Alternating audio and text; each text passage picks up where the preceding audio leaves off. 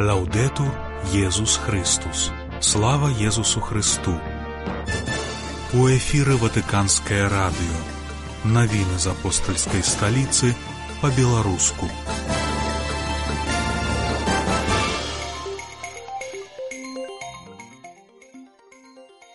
Старшыня еўрапейскіх епіскапатаў заклікаў не прызвычайвацца да вайны і імкнуцца да мірнай дыпламатыі. Святы пасад ініцыяваў у сацыяльных сетках кампанію да пяцігоддзя Крыстус Вівіт. У другой частцы праграмы наша рубрыка касцёлы свет. 26 лютага вас вітае Марыя Валодзіна.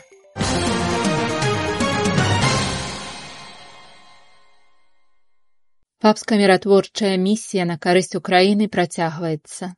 Мы спадзяемся, што яна будзе набіраць абароты, сказаў спецыяльны пасланнік святого пасада ў інтэрв'ю італьянскай ластампа. У кулуарах візіту ў турын кардынал Матэадзупі сказаў, што знаходзіцца ў кантакце з апостальскімі нунцыямі ў Киеве і Маскве, а таксама з афіцыйнымі асобамі абодвух бакоў. Ён прызнаўся, што хоча стварыць спрыяльны клімат для дыялогу паміж рассіяй і ўкраінай і вывучыць усе магчымасці для садзейнічання уз'яднанню украінскіх дзяцей з сем'ямі. Падчас вайны тысячы украінскіх дзяцей былі вывезены ў рассію. Іх рэпатрыяцыя з'яўляецца адной з галоўных мэт міратворчай місіі, якой папа францішак даручыў кардыналу дзупі ў маі 2023 года. Старшыня епіскапату Італіі і арцыбіскуп балонні ўжо правёў перамовы ва ўкраіне, рассіі, ЗША і Кітаі. Паводле паведамлення ў СМ Ён неўзабаве адправіцца ў Парыж, каб разам з прэзідэнтам Францыі Эмануэлем Макронам вывучыць магчымасці новай гуманітарнай ініцыятывы.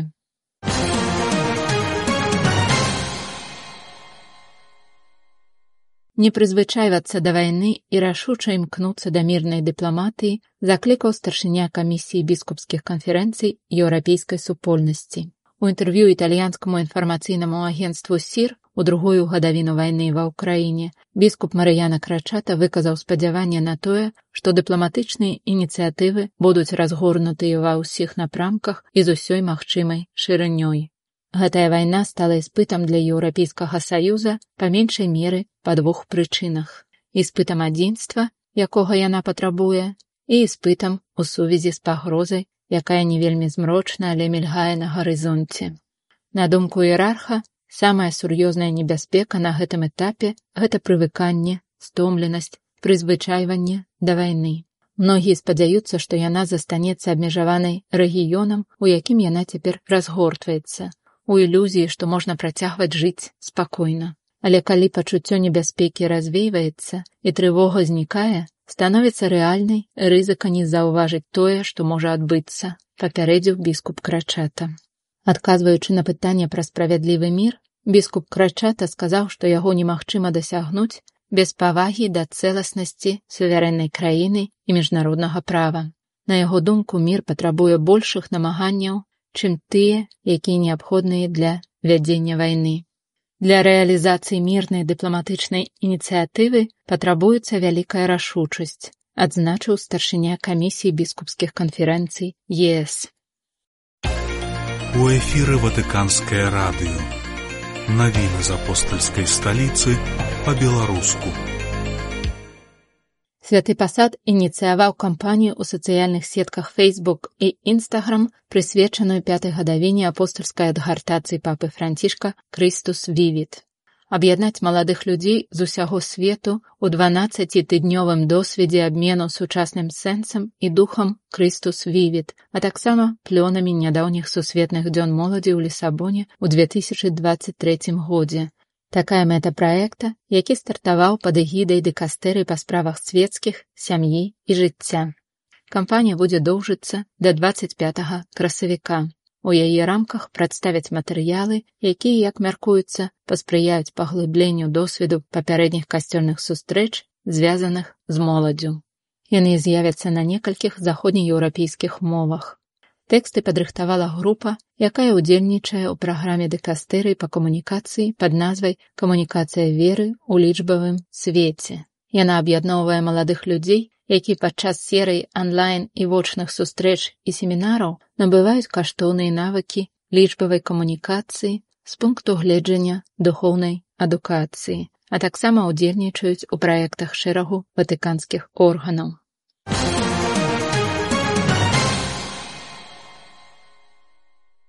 Учора раніцай падчас імшы ў каталіцкім касцёле ў дыяцэзіі дары у Буркіна-Фасо прагрымеў выбух, у выніку якога загінулі 15 вернікаў.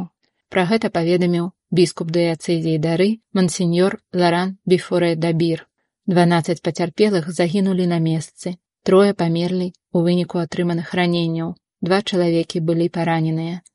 У гэтых балючых абставінах мы просім вас маліцца о вечным спачыне для тых, хто памёр у веры, а вылячэнні параненых і аб суцяшэнні журботных сэрцаў. Мы таксама молімся аб навяртанні тых, хто працягвае сеяць смерць і спусташэнне ў нашай краіне. Няхай нашы малітвы і пакаянні ў гэты перыяд вялікага посту прынясуць мір і бяспеку нашай краіне. Буркіна Фасу напісаў біскуп Дабір.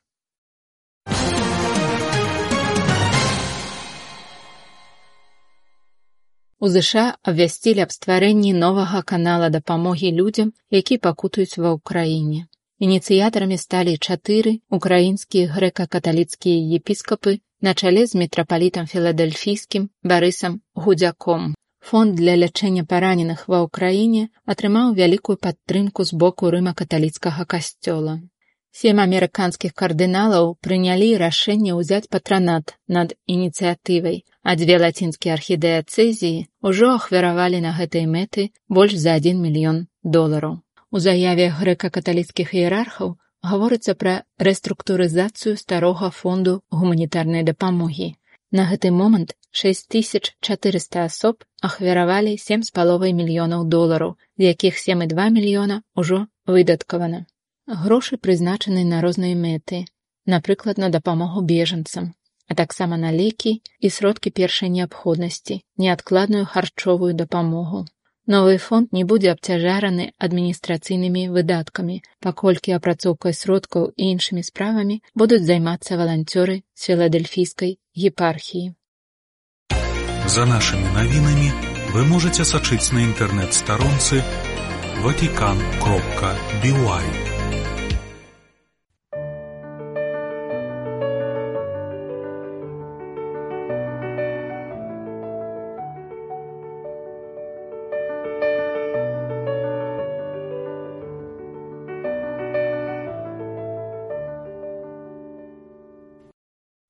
У эфіры ватыканскае радыё па-беларуску.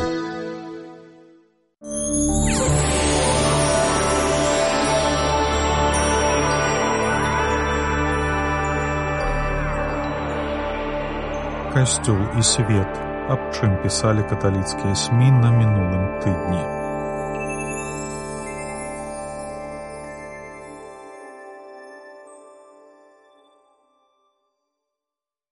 Вітаю вас, дарагія радыёслухачы. Прапаную вашай увазе новы выпуск рубрыкі касцёлы свет. Яна змяшчае падборку цікавых і актуальных матэрыялаў, якія з'явіліся на мінулым тыдні ў сусветных каталіцкіх выданнях. На тэлевізійным канале Тіву Дуэміля выйшла інтэрв'ю старшынёй папскай акадэміі сацыяльных навук дэканам факультэта сацыяльных навук папскага універсітэта імя святого тамаша аквінскага ў рыме англійскай дамініканкай сястрой Хелен Элфорд. На пытанне аб тым, ці даходзіць да знешняга свету пасланне каталіцкага касцёла па сацыяльных пытаннях, ці чуюць яго па-за межамі касцёла, яна адказала, што ў наш час да каталіцкага сацыяльнага вучэння прыслухоўваецца больш, чым у мінулым. Гэта адбываецца таму, што людзі адчуваюць крызіс. Неабходна знайсці новыя рэсурсы, новыя ідэі для таго, каб выйсці з таго, што яна назвала полікрызісам, экалагічным, сацыяльным, фінансавым, эканамічным крызісамі. У галіне эканомікі, падзялілася яна, да фінансавага крызіса 2008 года нікога не цікавілі яе думкі. Аднак пасля 2008 сястру Элфард пачалі запрашаць на шматлікія форумы, таму што прыйшло разуменне, што магчыма касцёл з яго мільярдам вернікаў можа сказаць нешта карыснае. Першая сацыяльная энцыкліка Рэрум Новарум выйшла ў свет у той час, калі ён яшчэ быў аграрным. Ці падрыхтаваны касцёл да сацыяльных выклікаў сённяшняга часу, запыталася журналістка. Сястра Элфард адказала, што каталіцкі касцёл заўсёды ішоў у нагу з часам энцыклікі вучэння не толькі пантыфікаў, але і іншых фігур каталіцкага касцёла біскупаў заўсёды імкнулася адлюстроўваць перамены, якія адбываліся ў грамадстве. Яны могуць быць вельмі карыснымі, калі іх ведаць і вывучаць, лічыць старшыня папскай акадэміі сацыяльных навук. У чым заключаецца сацыяльнае вучэнне каталіцкага касцёла, запыталася журналістка. Сястра Элфорд падагульніла яго так. Неабходна будаваць наш фантастычны свет поўны магчымасцяў, тэхналогій, культуры вакол чалавека, ставячы ў цэнтр чалавечую асобу, таму што менавіта яна павінна расці і развівацца. Калі гэта рабіць, знойдзецца месца для ўсіх і кожнага. Гісторыя вучыць нас на такіх прыкладах, як прафсаюзны рух ці польскі рух салідарнасць, што сумеснымі салідарнымі намаганнямі магчыма змяніць сітуацыю, заканадаўства, вырашыць вялікія праблемы сучаснасці. Ці актуальна ўсё яшчэ філасофская думка Тамаша Аквінскага спытала Моніка Монда. Сястра Элфард адказала станоўча. Таму што сацыяльныя навукі, эканоміка, сацыялогія, антрапалогія, псіхалогія і гэтак далей, кожная з іх мае сваё бачанне. Рэальныя ж праблемы свету патрабуюць агульнага рамачнага падыходу, які б аб'ядноўваў усе гэтай думкі. І вось па словах навукоўцы адным з такіх рамачных падыходаў з'яўляецца тамізм. На пытанне аб тым, як выкарыстоўваць новыя тэхналогіі, штучны інтэлект, не становячыся іх рабамі, сястра Элфорд, інжынер з кембриджскім дыпломам, адказала: штучны інтэлект неабходна разглядаць у рамках тэхналагічнага развіцця, якой заўсёды суправаджала чалавецтва. Гісторыя тэхнікі, такія тэхналагічныя прарывы, як электрычнасць, паравыя рухавікі, могуць многаму навучыць нас, таму што праблемы паўтараюцца. Як кажуць навукоўцы, у галіне тэхналогіі штучнага інтэлекта у нас ёсць два шляхі. Адзін шлях заключаецца ў тым, каб паставіць у цэнтр чалавека, яго жыццё, інтэграваць тэхніку ў наш лад жыцця, каб яна дапамагала зрабіць дзейнасць чалавека больш прадуктыўнай, прыгожай і цікавай. Другі шлях, які дамінуе з часоў прамысловай рэвалюцыі, на жаль, ставіць у цэнтр машыну. Гэта тэхнацэнтрычны падыход. Развіццё штучнага інтэлекта, на жаль, ідзе па гэтай дарозе. Аднак, на думку сястры Элфорд, тэхналогія ўсё ж знаходзіцца ў нашых руках. Мы не падпарадковаемся ёй. І тых, хто займаюцца развіццём тэхналогій, нясуць адказнасць за тое, каб рабіць гэта паважаючы навакольнае асяроддзе, чалавека, як гэта ўжо адбываецца з экалагічна чыстымі зялёнымі тэхналогіямі.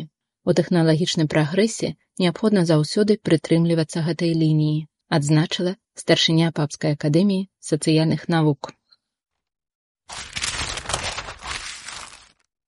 Што б сказаў Тамаш Аквінскі пра штучны інтэлект? У інтэрв'ю нямецкай рэдакцыі Кесалек News Agency Томас Маршлер, загадчык кафедры дагматыкі Аўсбургскага універсітэта сказаў: Вядома, Тамаш Аквінскі не мог прадбачыць, як будуць развівацца сусветныя тэхналогіі праз 800 гадоў пасля яго нараджэння. Ніхто ў яго час нават і ўявіць не мог, што аднойчы будуць вынайдзены машыны, якія будуць выкарыстоўваць камп'ютарныя тэхналогіі для вырашэння праблем такім жа чынам, як гэта робяць разумныя чалавечыя істоты, І хоць у працах святого Тамаша Аквінскага няма прамых спасылак на штучны інтэлект, таксама як іх няма і на палёты ў космас або квантавую фізіку, ён пралівае святло на глыбокія філасофскія і этычныя аспекты штучнага інтэлекту, лічыць нямецкі тэолог. Напрыклад, Тамаш Аквінскі можа выратаваць нас ад памылковых высноў сваім разуменнем прыроды душы чалавека і яе здольнасцяў, распавёў маршлер. Святы Тамаш таксама заклікае католікаў падумаць, ці заўсёды тое, што тэхнічна магчыма, тэхнічна здзяйсняльна, з'яўляецца насамрэч тым, што мы павінны рэалізоўваць. Новыя тэхналогіі не заўсёды тое, што дапамагае нам дасягнуць сапраўднай мэты нашага жыцця і стаць добрымі і шчаслівымі людзьмі. Маршлер адзначыў, што ў інтэрнэце ўжо былі чат-боты, якія выкарыстоўвалі штучны інтэлект для адказаў на пытанні аб ролі Тамаша Аквінскага. Аднак чытанне Тамаша, верагодна, па-ранейшаму з'яўляецца лепшым спосабам па-сапраўднаму пазнаць яго. На пытанне, што кажа пра Тамаша Аквінскага штучны інтэлект, чат GPT адказаў так. Я разглядаю Тамаша Аквінскага як асноватворную фігуру ў заходняй філасофіі і тэалогіі, асабліва вядомую спалучэннем арыстоцелеўскай філасофіі з хрысціянскай дактрынай, наватарскім для яго часу. Для ўсіх, хто зацікаўлены ў знаёмстве з Тамашам Аквінскім, Машлер прапануе канал YouTube і працы інстытуту Тамаша Аквінскага ў Вашынгтоне, падкрэсліваючы, што дамініканцы, якія культывуюць і развіваюць спадчыну тамізма, таксама дзейнічаюць у Францыі і Італіі. Як паведаміла Asian News 9 студзеня ў Каіры адкрылася сетка рэстаранаў брат фрателлу, натхнёная дэкларацыя аб чалавечым братэрстве, падпісанай у Абудабі францішкам і імамам альтаебам. Людзі, якія жывуць у нястачы, атрымліваюць там бясплатнае харчаванне. Мэта рэстаранаў накарміць 5000 сем'яў у год. На працягу месяца рамадан будуць арганізаваны тры мерапрыемствы, у рамках якіх накормяць 2500 чалавек. У Індыі прайшоў сінод недатыкальных. Сінадальны касцёл не можа пакідаць ззаду без увагі нікога, асабліва маргіналізаваныя групы, да якіх варта прыслухоўвацца, бо яны таксама павінны ўдзельнічаць у жыцці касцёла, заявіў кардынал Энтоні Пула, арцыбіскуп Хайдарабада падчас сустрэчы, арганізаванай упраўленнем па пытаннях кастаў пры епіскапаце Індыі. Каставая сістэма адменена канстытуцыяй Індыі, аднак падзел на касты па-ранейшаму прысутнічае ў культуры, менталітэце і практыцы індыйскага грамадства. Удзел хрысціян далітаў недатыкальных у жыцці касцёла нязначны. Кардынал Пула перакананы ў неабходнасці іх большага ўдзелу. Нарвегія пачала падрыхтоўку да юбілею святого Олафа, які будзе адзначацца ў 2030 годзе. Олаф Харальдсон, кароль Нарвегіі Олаф II, памёр у 1030 годзе. У гісторыі Нарвегіі ён увайшоў як манарх які спрабаваў аб'яднаць краіну і ўнёс свой уклад у распаўсюджванне каталіцкай веры на паўночныя землі. Олаф прыклаў шмат намаганняў для хрысціянізацыі краіны, будаваў храмы, усталяваў хрысціянскі закон, натхнёны біблейскімі запаведзямі, які прадпісваў выкупляць рабоў, забараняў шматжонства, а таксама ўводзіў пакаранне за згвалтаванне і выкраданне жанчын. Сваёй заканадаўчай працай ён паказаў, што хрысціянская супольнасць павінна кіравацца універсальнымі прынцыпамі справядлівасці. З нагодай тысячагоддзя з дня яго смерці каталіцкі касцёл Нарвегіі арганізуе рознага роду мерапрыемствы па ўсёй краіне, канферэнцыі, дыскусіі, імшы, выставы. Дзякуй за ўвагу і да наступнага панядзелка.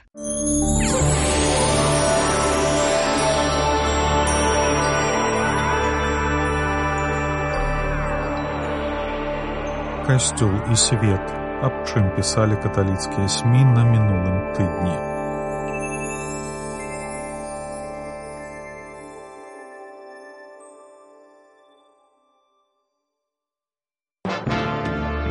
Вы слухали беларускую праграму ватыканскага радыё. За нашымі навінамі вы можете сачыць на інтэрнэт-старонцы ватикан кропка бівай. Слава Езусу Христу! Лаудету Jesús Christus.